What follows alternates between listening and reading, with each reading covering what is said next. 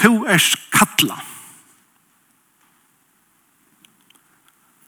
To er kattla vår. To er utvalgt. To er utvalter. To er salva. To er salva vår. To er sett til søyes. To Du er settur til suyes av god. Alle hese hodtøkene som, som Bibelen tasar om hver vid er og i Guds egen og at han hever just vi okken er det hodtøk som minner okken av at vi er mennesker som er sett her og i det som vi er sett å gjøre tog jeg god hukte er tøyne løyve. han hukte er tøyne løyve. og i syne fire atlan. aren heim var grundaver, Aren to negande var født, eller eva født, sette god ser fire. Hvor to skulle være, og i tøyne tøy, og i hans her egen, og i hans her tænaste. Er det ikke fantastisk? Og tøy er vi en sankomma som, som råpar til god, Og vi bøna Guds ande om at skap het her ui okkon, at okkara største dyrgriper i løyven veru ønsken andre enn Jesus Kristus. Lykka mykje hos løy og tjatt her og mer ser ut. Lykka mykje hos nek mågong der, den vikong der. Lykka mykje hos råte løy kan være til tøyer, eller hos rukt det kan være til tøyer. Okkara største dyrgriper i løyven er at gjerra Jesus storan og av nøkter og nøkt vi å kjenne ham. Det er vi å kattla. Det er vi å sette til suyes. Det er vi å salvaver. Betyr at god innskyr at to på to mata og i tøyne løyve her som to kommer reflekterer nekka av bylade gods og i tøyne løyve. Og så er det at vi er skapt og i bylade gods det som vi gjør, så det som vi er. Og en eller annan hatt avspekler hvordan to lever eh, Guds bilat ut i tøynen løyve. Vi vet vel at det bilat ble skeikla av synd, Og vi vet at her bøyler det på nekka måte var øyelagt, ta ei synd kom inn i heimen, men det er underfutla vi endur løysingene i Jesus Kristi, som døy av krossen og fyrir okken, som bjóar okken å komme til søyn for å få et nytt liv. Det underfutla og i tøy er til at det er bøyler det. sjalt om det ikke vil fullkomme, så vil det endur rast i Jesus og til atlana som god hever til løyve, vi at vise at her bøyla det ut etter, er møvlet til en mann og en kvinne som djever sitt løyve til Jesus, og at han hatt som god innskjør at hun skalt vise at her bøyla det. Men først så må vi da eisne skilja at ta og vi blir endurfødt, ta og vi får nytt løyve Jesus, så må vi skilje etter at vi er og kattla i. Det ligger i frelsene. Jeg vil kattla vår. Jeg vil kattla av gode. Jesus sier i Johannes 15, så leis, Tid har ikke utvalgt meg. Jeg har utvalgt tikkene Og så tar vi også om jeg var utvalgtor, jeg var kattlavor, jeg var settet til syes, jeg var salvavor. Så også vi om folk som, ja, men det var, det var Moses i gamle smønt. Det var David. Det var Esther. Det var folk som Paulus. Det kan ikke være folk som er. Men vet du at Jesus kom til tølvmanns, som var ganske myndelige menn til at og sier vi tar fylgje mer fiskemenn, arbeidsmenn. Ønsken av dem var veldig akademikere, ønsken av dem hei nekka store titlar framfyrir, eller at han fyrir sitt navn. Ar heim var grunn av hei herren sagt, teir skal jeg bruka. Fylg mer. Og da kallet hei vel joa atlan vegin oppsøkken togina.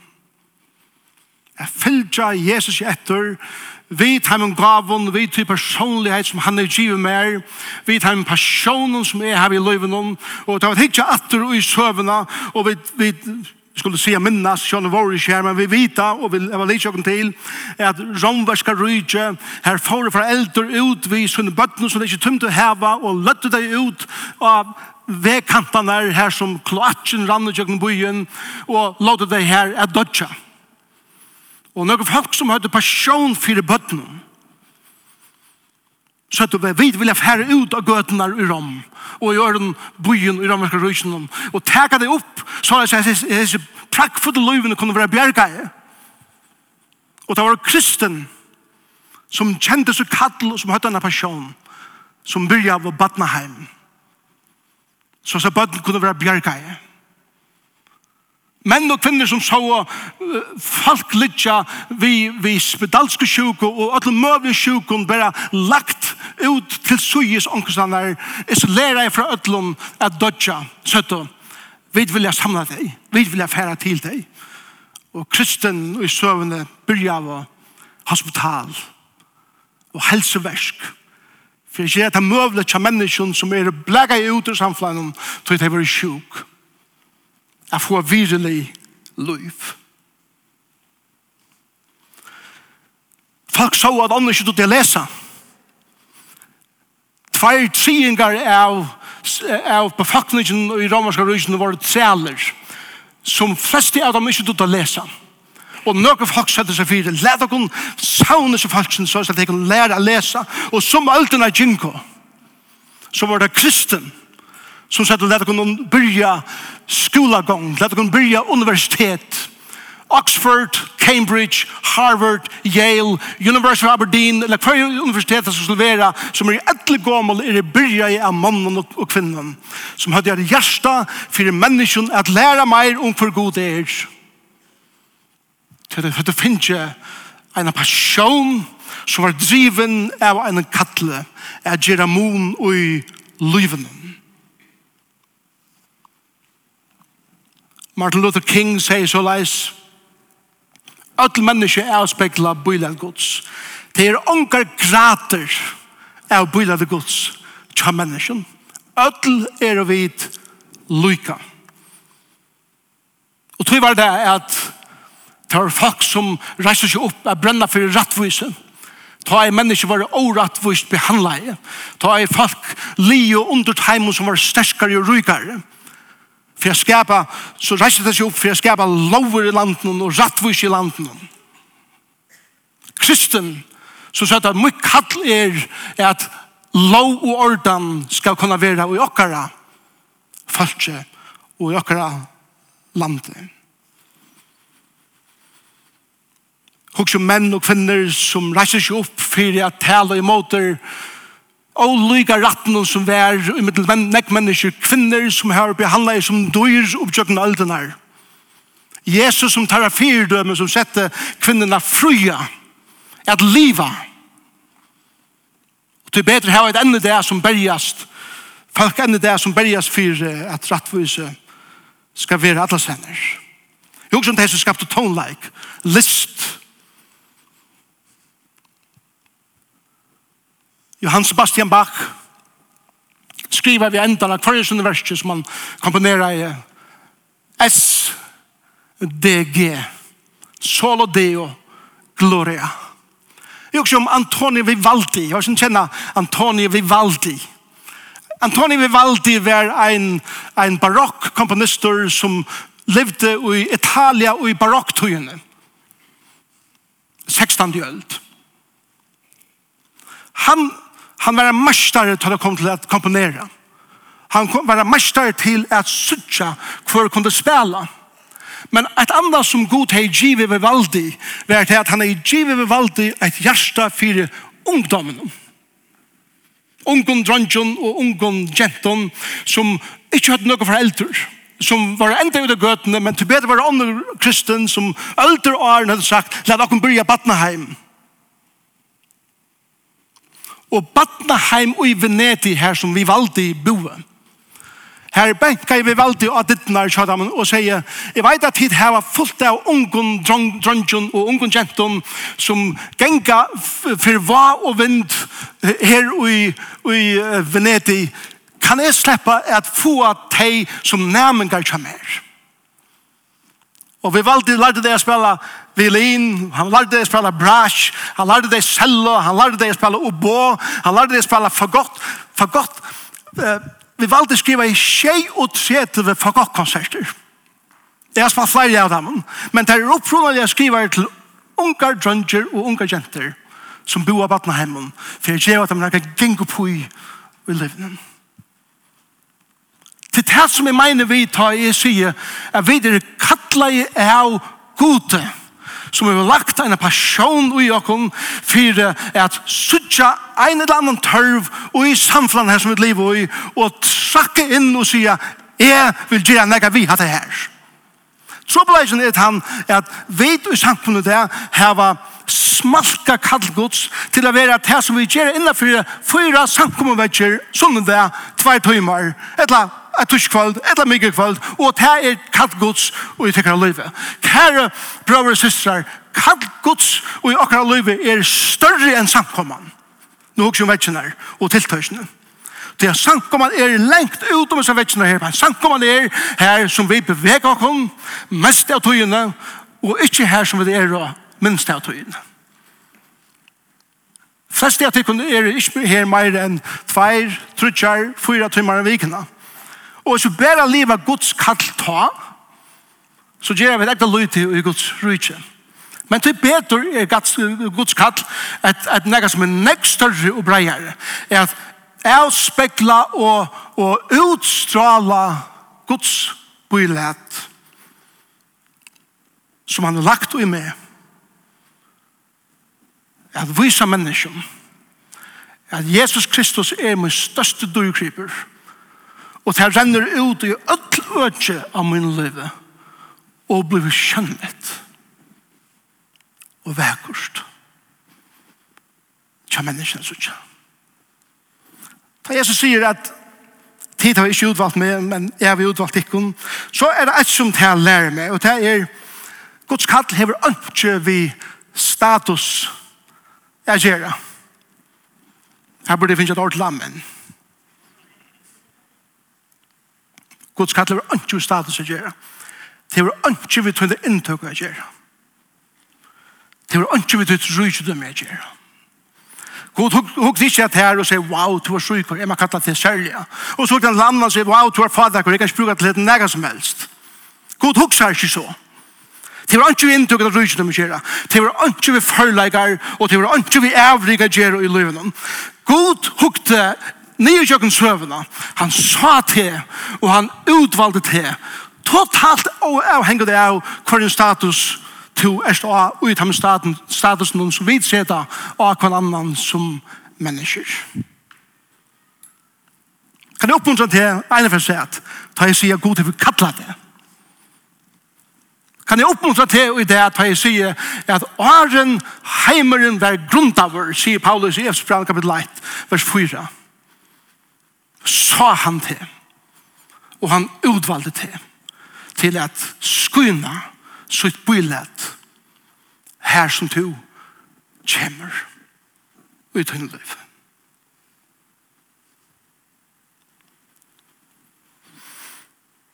Det lærer meg Jeg god held, hikker heldig ikke at tøynen heiten hvordan det var titler du hever fremme for ditt navn.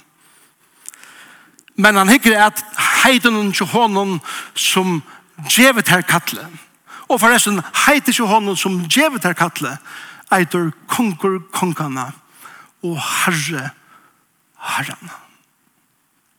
Størsta heite som er given nøkron. Og det heite som ein der kvarskne skal bortja seg fyr. Og hver tunga skal gjøtta at han er herre. Han har jo kallat det. Han har jo givet her heite av vera sin soner og sin døtter. Det er jo samme som at det kan gjøre samme hva andre halde om det. Og forresten, det er for alltid være folk som damer det vel, og det er for alltid være folk som ikke skal gråne ut her. Det er samme med meg. Men det rører meg ikke langt. Så jeg legger ikke ui hva folk kallt det. Men jeg legger ui hva god heldur. Og jeg vet hva god helder. Lykka mykje hva andre vite om det. Lykka mykje hva andre sier om det. Lykka mykje hva andre høyre om det. Etter hva to høyre, eller andre høyre som sier som noen andre har sagt om det. Lykka mykje så er det konger kongene som er kattla til. Til at avspekla det dørt som han har lagt ui til. Kære bror og kære syster, let ongan ryva hattar ut hun i hånd. Kære Og vi hava en futsinda. Vi hava motstøvumann, Bibelen kallar for Satan, som er en verligur fattelen angel som ger alt hva han kan For jeg får det Guds vers jag gör For jeg får det Guds falsk at skoina for Jesus jag gör som ger alt hva han kan For jeg vet fettla i fat. Og han slipper ikke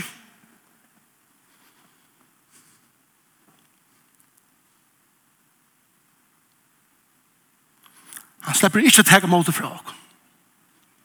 Han har gjort at gjennom atler, atler her. Kjalt Abraham. I veis ui om det lyfte som god hei kivin og djevna sånn. Om god kunne klara det og han tog sin egna henter. Moses, han skilde på at han stemma i. Han dodde så utla.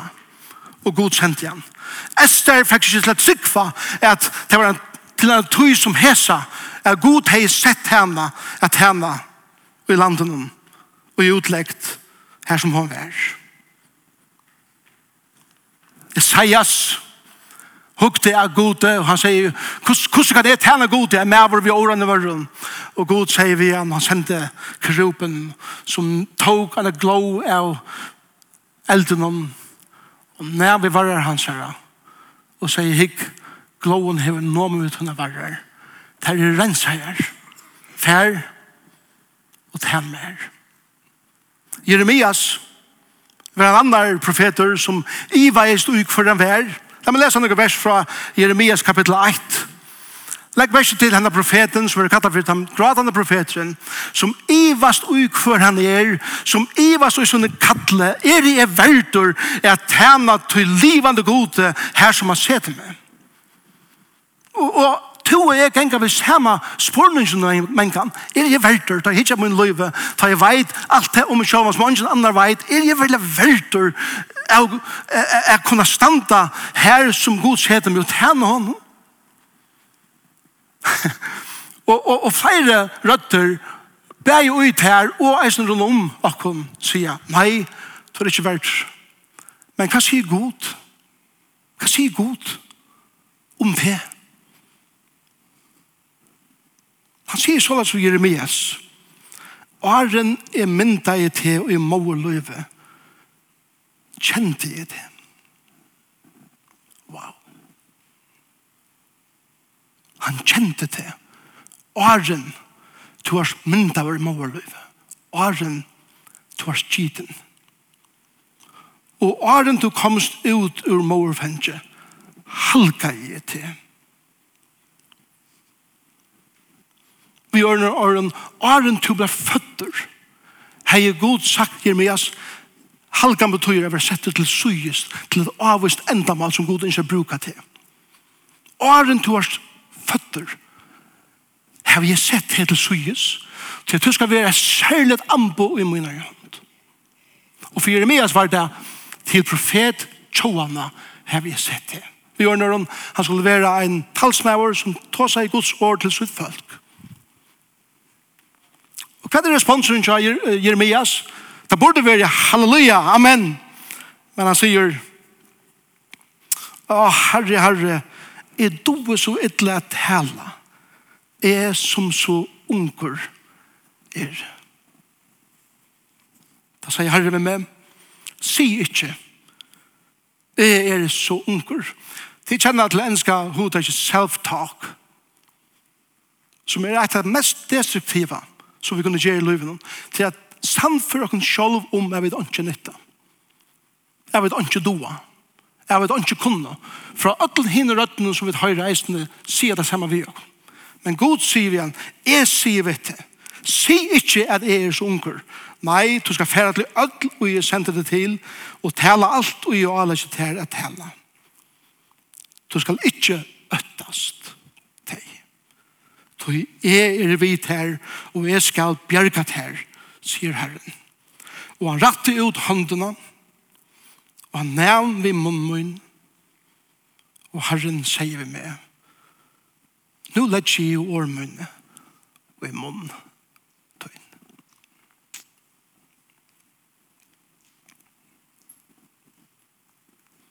Kanskje er det ikke munnen vi det her, kanskje er det hånden, kanskje er det øynene, kanskje er det øyrene, Kanskje det er hjertet. Kanskje det er hukkborden. Som Herren sier vi, nå rett i hånden ut, og jeg nemen vi hatt og øyne til en liv. Det er øyne som du strøyest mest vi.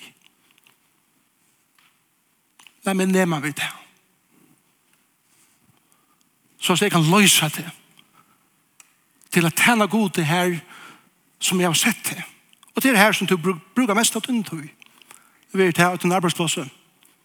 Eller vi er det her uten den sosiale syskelen eller hver det så kan være. Men Satan heter hatter. Han vil ikke at vi skulle kunne tjene herren om frals og fru. Men det som heter lærer meg, som, som han sier i Jeremias, er at er god hikker at hun løyve, og han ser forbi tunne brek, han ser forbi tunne mistøk, han ser forbi tunne issues i løyven om, og han sier, kjølt og du høy brek, Sjalt om du har trobeleikar, sjalt om det er målgångt, sjalt om det er fullt av tingene i livet som kunne tinge oss nyer, så vil jeg slippe nema meg til. Og så er det det false at tjene mer. Lyga mye til denne mistøk. God diskvalifiserer til ikke for han er kattlet til at tjene ser. Og det er fullt av røttene som sier annerledes. Hugg som røtter som de kanskje har hørt heimene fra, eller i skolen noen, eller i idrotten noen, eller hva det skal være, som sier, to doer til ønske.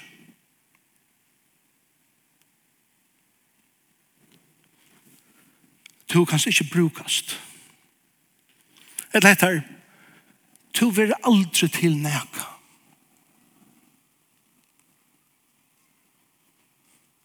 Hikka du hin og hvordan vel til du, men to. Det er ikke bors ursatt her. Her så røttene er vi til at, til at tre bakom. Og det sprena eh, lammelse inn i oss. Så vi ganger og krupa. Vi som er kattla i av gode. Du er ikke god nok. Eller heter, du lever ikke rett. Du er just hattar, eller du er just hit. Eller du lever så såleis bare nu, og du kan du ikke brukast. Du hever synd i livet, og du vil god ikke bruka det. Så er det Vi først har vi bruk for å minne hva annan har tingene. Men til meg ta og vi sier det selv til det velmeinende, som oftast, og ta meira i 95% av togene, kommer til å skrifte ut, eller til å være miskilt, eller til å sære enda meir. Lyga mykje om intensjoner at sier sånne ting, og det er viktig vi kørst, så som oftast rikker det ikke. Tui er at ta i vi gjerra til, så tega vi oppgavene som bare god kan gjerra til fullner. Og jeg kan egne henter, og vi spela god.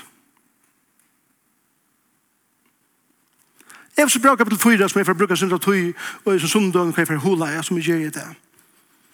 Om hva jeg halte en sank om jeg ei kjennes det. Så stender i, i kapitel 4 i, uh, i Esebraunen og i vers 13 så leis. Han tar seg om samkomna og så sier han inntil vil öll noa fram til å være eit ui Kristus. Inntil vil öll noa fram sier mer at vi er öll av eine fer. Vi ferast öll. Som vi av kunne heva kjent herran og i nekv, nekv art. Og hava en andelig døpt som er kanskje rettelig solid. Men så er det andre som kommer nødt inn i samkommene, Eller ikke hava kjent herran som nekv år. Eller kanskje ikke kjenne skriftene. Eller anker det hava hørst. Hva det er som Bibelen lærer vi kjenner imenske tingkom. Og det kommer inn i samkomna med andre som livsstyle som vet som har nekve åra bætje, hitje dem og døme deg beina veien.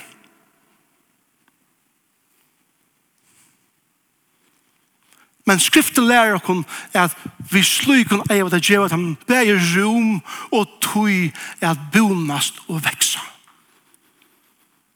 Og vi kærleika at komme vi syne av dem og genga ved dem.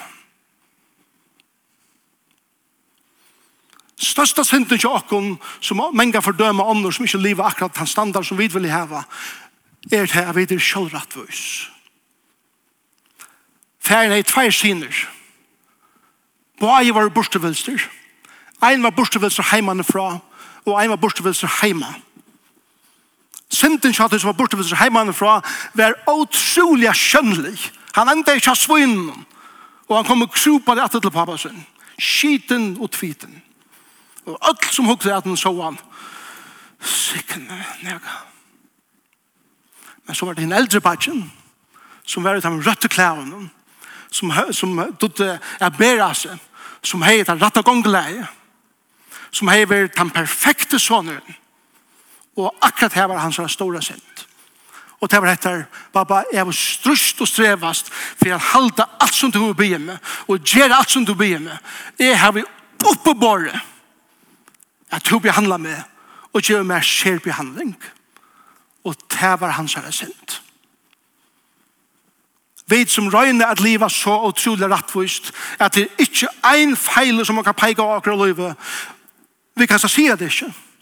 Men at det tyder ikke akkurat mengene rentan at at det fyrer det og skikker meg så godt, så skilter god mer nega. Og la det være pura greit. Her det er at god skildert her ønsker. Det eneste som han gjør er han bjør bavom bætsjennom at komme inn i festene. Her som mæter og som danser og som drekker være få. Men lett meg så sier leisen noen år til okken som strujas vi imenskene løvene. Vi er og en fyr. Og hele anden, ta i hele anden, åpenberer fyr mer og fyr her, at det er også løven som burde brøtst. Tøy er at hadde ombor ikke Kristus så vel. Så skulle vi være åpen for det at brøytast. Men sier at vi er ambassadører Kristus er. En ambassadør, hva sier han? Han bor i en ørlande og omboar, eller representerer sitt land så vel som man kan sitt folk, sitt mal og sina mentan, sin kong. Så er det hei vi tog landet og ikke kunne sige sikna landet som er kommer fra. Det er ambassadøren. Vi er ambassadører av Kristus her, lærer på Bibelen. Det er å si det samme som at vi må hitje av dere livet, ta i mye minne av dere livet som vi vet at det er hele andre samfunnet dere. Så må vi si at jeg tog er det ombøyer Kristus. Kristus som min kong. Så må jeg slippe her hæsen. Så må jeg lære hatt affæra. Så må jeg djevas for hæsen vennom. Etla, så må jeg kvette hatt forholdet. Til det halva med livet. Jeg er flikt for nek. Prøvde nek var tog i flikkvaren. Og jeg vet eit. Og det er etter at Det er veldig avmarsen hva for bagasje man kan ha vi. Hvor? Så jeg test hakker jeg flikk være fer, test minne vekt må være vi. Trobladjen er at vi alle innskje at flikk vi Jesus. Men vi innskje at alle bagasjene vi oss. Alle stinget så vi har samlet under oss og matet vi der på. Og så sier jeg, kom, herre, la dere nå flikka sammen. Og herre sier, vi flikker ikke for en to teker sindra bagasjene av. Og det er som er fantastisk for gode, til det at, at Ølle Kjoltan så kommer han inn i okkur liv og skjer det bare av og til å tula på innefullt den eisene. Men som oftast så, så er bare herren så at han, han akkurat som sløtjer akkurat appetitt fyrir imenskun ting på livene noen ting som tar jeg ikke etter det, kanskje for fem år som var utrolig viktig for meg. Og jeg är helt fast på det. Men nå har vi fyllt vid herren, og han ser lei og, og han ser anda og, og han ser mata jeg brøyta meg på og ikke etter, og, og hva sier Paulus? Skatten at det er lorster og immun til jeg fyllst vid Jesus. Så ta og vi ikke flikker ved Jesus, så får Jesus skjera deg vekk det av, og mulig ting i okker løyve som er så kær, fa det borster, så er vi flikker bedre, flikker lattere, det er til bedre, til at, altså, men mange har sagt at det er sånn her, er det at vi er nøgt, vi tar neste besta, i god innskjer bjøve okken til besta. Og hvordan skjer ikke det ikke til? Og jeg er så glad for det neste besta. Og god sier, men skal ikke ha hette helter. Og Gud kommer inn og han skjer det neste bøsse vekk. Så du har kattla. Du har kattla over. Og han sier ikke, som min ambassadør, vil du bære det beste for meg. Og det er vi kattla til, kære brøver og søstre. Og til at møvle ting som i eisen som jeg hittir på en egna liv og, og i tjenestene, og sånn jeg går for herren, at det er noen ting som fylgja vi hessen her kattlen. Til, til, til, til ølen jeg av som ølen gjerne vil være brukt av gode, men vil jeg helst ikke ha et her som fylgjer vi kattlen. La meg nevne noen ting for dere som jeg har opplevd med egna liv.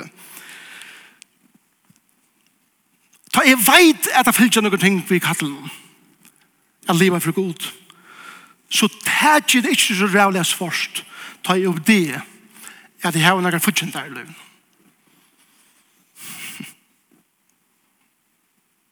Det er ikke renne god. Det fyllt vi, at henne har henne. Jeg fettelig ikke i fått, ta i mågångt terjer av mitt liv. Hvor? Tror jeg det fyllt vi kattelen noen. at alle møvlige ting kommer i noen liv som, som henne ønte innskrevet til fødla og fått det av. Og jeg gjør ikke frustreret over ta i trobeleikere komme inn i mitt liv. Hvor? Tror det fylger vi kattlene. Hva sier Peter i sin første brevet? Han sier, «Undres ikke elden og jeg kommer i ivetikken til at røyna tikken, som det var nega underligt i hentekon. Det fylger vi kattlene.» at det er mågångt, at det er skuffelser, at det er hæter, at det er slæter. Fyra vi kunne fettle fått. Fyra vi gjev opp. Fyra vi sier tøy mykje meir. Men Gud sier, takk vangen her vite at det fyllt vi at livet til liv for Jesus, så vær det målgångt. Så det vera folk som ikke damer til dine meninger. Det vera folk som ikke damer maten til æste på. Det vera folk som ikke damer at du sier nei til ims ting i livet. Og de spotter det, og de færre etter der. Men vi halda å ha flikva. Så jeg tror vi må være vis ut under kattle. At Herren vil kattle til til det er underfullt.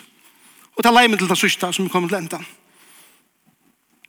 Så jeg har nok til, så gjør han til eisene alt ut her tørvar til tess at ut inna til kattlet. Og at ombå til bøylete som god til å lagt ut til, så vel som du kanst, her som du erst.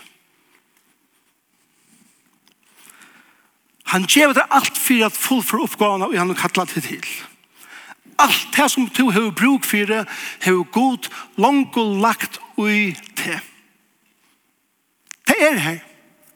Og som det er tog, som kanskje ikke ligger i åkken, får vi vi at leva sammen vi øren som eisne her finnes samme kall. Det tog vi det er samkomma.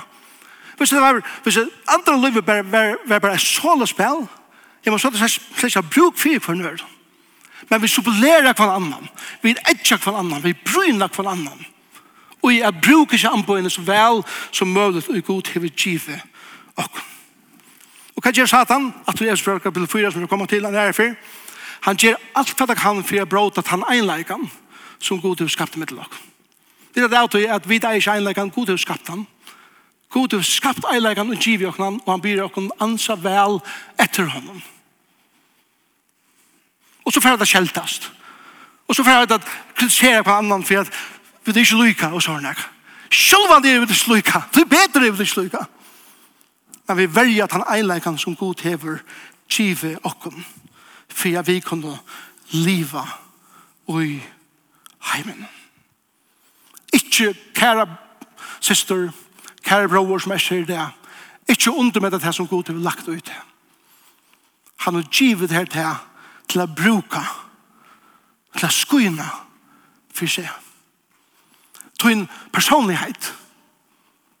Til en personlighet er særstøk. Til å gå til å mynda det så leis og skru seg sammen at akkurat vi tog personlighetene samansett vi tøyme forleikon og tøyme gava som du hever samansett vi tøyme livstrøynden og livene tar jeg til å kommer sindre på årene og hikker atter, så blir det suttje noen minster. Og til jeg ser at sin tingene sammen, som du er hvordan du best kan stjene til kattelen som Gud har kattlet til til. Og la meg til å si, kære bror og syster, ene fra enn det her. Kattelen som Gud har kattlet det til, er ikke bare innenfor sankum og vekkene. Det er her som vi bruker mest tog og det er utanfor seg vekkene. Da vi fra sted i det, så er samkommende ikke liv. Ta fyrir samkommende bare ut til at henne god det her som vi kallar til at henne. La meg lese noen fabers fyrir. Fra Jeremias. Jeg leser fra kapittel 1, men nå er Mauren kommet til kapittel 20. Vi er når han hikker er sin løyve, og han hikker etter hvordan han er utviklet og mentor i kjøkken løyve, og han, han hikker etter sin attityden, hvordan han begynner å skilje løyve, så er det som god til å kattle han som en profet. Og så ser vi, ut, vi folk som er utleggt, folk som er tidsen fra Jerusalem og flott til Babylon, med til fremmede folk, med til fremmede mentan, med til fremmede mål, med til fremmede religion. Så sier han vidt deg, hvordan livet tid her? Hvordan Og jeg vil gjøre her i årene, sier Jeremias, jeg som taler av klokken i det. Tror jeg vi separerer oss alt for nekv fra okkar utleggt som færa menn i kjøkken enden heim. Legg meg til hva Jeremias sier i kapittel 29 og vers 5. Lort som om han sier at vi tever det. Og minst til, han sier det vi folk som bygger i middelen fremmanfolk bygge hus og byggvi ut heimen. Plante orstagerar og eti avvakstarra. Tætje tekken koner og få ei siner og døter. Tætje sånn tekkar koner og gifte døter til tekkar bort. Så teir kunne få siner og døter. Nørest her. Fattjest ikkje. Læt det litt av tikkun av hjärsta er at tøy bøye gongst vel, som er her i heilægt tikkun til. Bøye til herran, fyrir hånden, altså bøyen. Tøy, tøy hånden gongst vel, gongst tikkun vel. Hatt er en utrolig attityd det her til løyve. Jeremias kallar okkon som tryggvande, ikkje a separera okkon, fra hese landen og som mentane som vi er fremman megan han Men han sier, liv i utøy. Gjer alt hva du kan fyrir at utøyne og kattle at gjøre det såleis at her som er arbeid, her som er kommet, her som er en avvurskan, skal det blomstra. Så han sier, beget teg og vit, saman, kunne heva det godt. tror jeg det så fantastisk.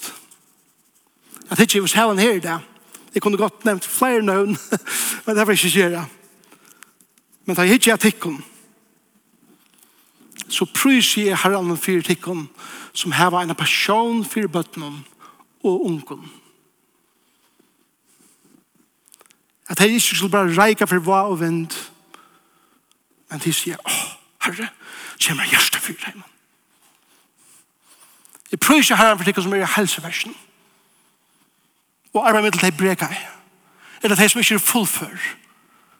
Og være om det for jeg gjør dem et, et liv som hever vise til å gå til å lagt til å vise ut til menneskene. Jeg prøver ikke herren for det som arbeid i, i, i rattaskibane og sørger for at lov og rattor er i akkurat landet og at, og at domer er rattviser. Prys herren for tikkun som tåra jeg trakka inn i politikk. Og alt de økene her bare en jeg kunne, kunne heva en, en rødt inn ui til imenske malen Prys herren for tikkun som, som på en måte heva finnes jeg til for herren at, at jeg vil skapa en arbeidsplass Jeg vil investere i et arbeidsplass så at andre kunne få arbeid som er, så at brei kommer av herre bor, så at skatter vil galden til et land som gjør at alt kunne blomstra sammen i sånne landene. Som ikke hukse om vinningen bare til sin sjåls, men at sikna andre vi. Og det har en sikna til som menna boi og bygd og land og ikke kun bytjevinnene. Helseversen allmanna versen. Og det har en sikten det som er ui til akademiska, at skapa menning, at skapa gransking, at skapa utbyggving og kunnleika fire, ung som vekser opp, og at de som er vaksen er kunna blomstra, og i vidane som god til lagt inn i kvart menneska. Og at gjeva god til dårdna fyrir det. Prøy ikke herran for tikkun som er som vi valgte. som doa til kunstnerska. Og så ikke bare spille, eller male, eller skrive, og disse tingene, men, men, men gjør det vi tror for eier at jeg sikner under og jeg skaper hoen til øren. Jeg gjør det samme. Og så er det hendan attityden. Hendan attityden er at her som jeg er, her blomstrer jeg. Og tar så kom innenfor hesa vetsjene i samkomne, så blomst jeg eisne her til brudgjummene gaver. Herre kattla dekken. Pabba min, han fortalte om sitt kall mengan. Han sier til at jeg, er befattur inn i en familie hver fem av mine søsken er deiv. Og han sier at, at jeg visste, da jeg hukte av mine liv, at herre hei givet meg alle sansene at jeg skulle teka alle tar sansene og djeva teirt iver til herran jeg bruker. Jeg vet ikke hva tid hukks om meg, ta i tid, ta i nevne, hva er det mitt kall? Og alt mulig, skal jeg si at tankene nå kom opp. La meg fortelle deg hvordan som jeg endte, hvordan jeg så ikke mitt kall. Jeg vet ikke nekv, nekv, skreiv i ørene livet noen, kjørst nekt har skreift og minner det hennast. Men kattelig det samme. God hever kattla meg. Jeg vil iva som Abraham, jeg vil iva som Moses, eller omskylda meg som Moses, jeg vil iva som Esther, om til han tog Hesa, som Hesa, og jeg har nu kattla meg. Men det som jeg oppdeer, som jeg hittar på min liv, er det at kattle, som God kattler oss vi, ikke er bundet til nega beinleis geografisk sted.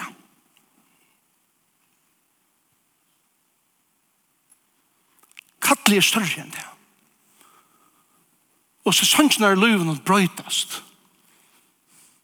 Kattelig som er så ikke det, er til at det er å det er heldur noen særlig økjer som god har givet her særlige gaver innenfor, og til særlige måter til å uttrykke til at heimen øke noen, grunn til at det er personene som har den gjør her, fire tingene som du vaknar og tentrar på. Så hva er mitt kattel i min liv? Hvis jeg skal begynne å bli geografisk, så, så har jeg sagt, min første kattel var kanskje at begynne en bibelskole for. Og han er ikke kommet enn. Og enda vi at, at leie en som er lengt fra tog som er helt herren jeg kattler meg til. Men du bedre, så, så her han giver meg helt denne er sjån og på alt det. Helt jeg var kattler meg at han er herren i førjen, men, men, men ditt er åpnet så vujere enn det. Jeg er så færre en urgodskattler. Hva er Guds kall i min liv? Hva, hva er minstre som jeg hittir nu, som fyrir alt kjører gammal, alt om mitt liv som jeg har tant herren? Hva er det som jeg har gjørst av disse årene? Og i min kattle. Og det er einfalt etter. God har kattla meg av samskiftet en bådskap. Så det er ikke at på det jeg har gjort at varene, så er det vært gjort noen samskift. Jeg har brukt munnen. Vannet det er som høtte ved først og hjertet. Og da jeg ikke har begynt livet, så, så, så har jeg tala, jeg har lært, jeg har skriva, jeg har blogga, jeg har samråd med mennesker, jeg har tonleiker som eisen samskiftet öll hans i som er med kall, her har vi samskifti a gjerra. Og så tar jeg ikke at, at minstenen er minnen, minnen eh, passionen i løven. Så kom det for at du gjør alle talene i løven, alle kjørene, og lort etter alle min talen, og gjør alle kjørene og sier, hva er noe tema som har eikjent talene og undervisningen gikk Jekvann? Og det er helt einfalt. Nøye gods, fralse, abert, og hverje vi der i Kristus. Jeg vil tale ut fra ødel skriften, men grunnleggjande er hatta det som jeg vil tale ødel hese åren. Og løy som er for at, at færre imenska leier, i huset sjøy, men kattle er stadvekk av samskiftet. Og evnen vera stadet tek som, fjallt om det er uiladen på alle mulige måter. Nøyen som er i Kristus. Fralse at liv akkur liv til ære for Jesus. Og haperden er at livet til livet vel. Og så gjerne er skilja hver vi som mennesker er i Kristus. Hva er det tøyt? Kall føre til en passion. Hugs om det, sa vikene, som jeg deg vita lang. Men hikk at minst som du tja deg, hvor hever du til ubyggelsen som du hever? Hvor arbeider du innenfor teg og økene som du har gjort det sånn jeg var? Hvor er så komfortabel her? Hvor er det som er det praktisk og arbeid i hånden? Hvor er det andre som meira er til, til, til, hovvisende og, og så videre. Hva er det som er artistisk? Hva er det som er mer samskifte? Tror jeg god hever mynd og og kattel og i mest. Men alt kommer opp i en held som sier, hvordan kunne vi som godsbøten avspekla godsbøylet her som vi kom. Og derfor Kristus er gjøre resten av livet og i tøynløp. Vi først må ha minne noen av kattelet. Vi først må minne hver annen av kattelet. Han får røyna til. Han får bråta til. Han får rensa til. Han får senda ånder at hun er lei å hjelpe der. Og reisa til opp til du fettler i fått. Men kattelig er det samme. Passionen er det samme. Til god. Og har en heim av grunntaver. Kattelig er det. Jeg tjener. Sær. Slutt be sammen.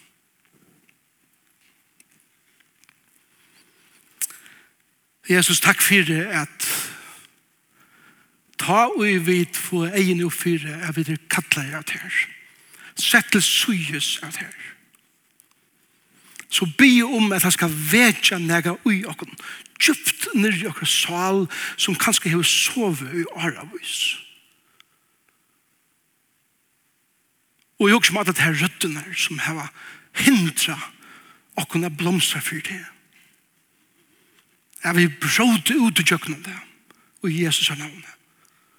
Og trakke ut at tjene her, og være ambassadører, som litt av Guds bøylet, til ånder er suttja vekeløykan, og i Kristus. Prysa og ære vi tøyt navn, Herre Jesus, og i tøyne navn. Amen.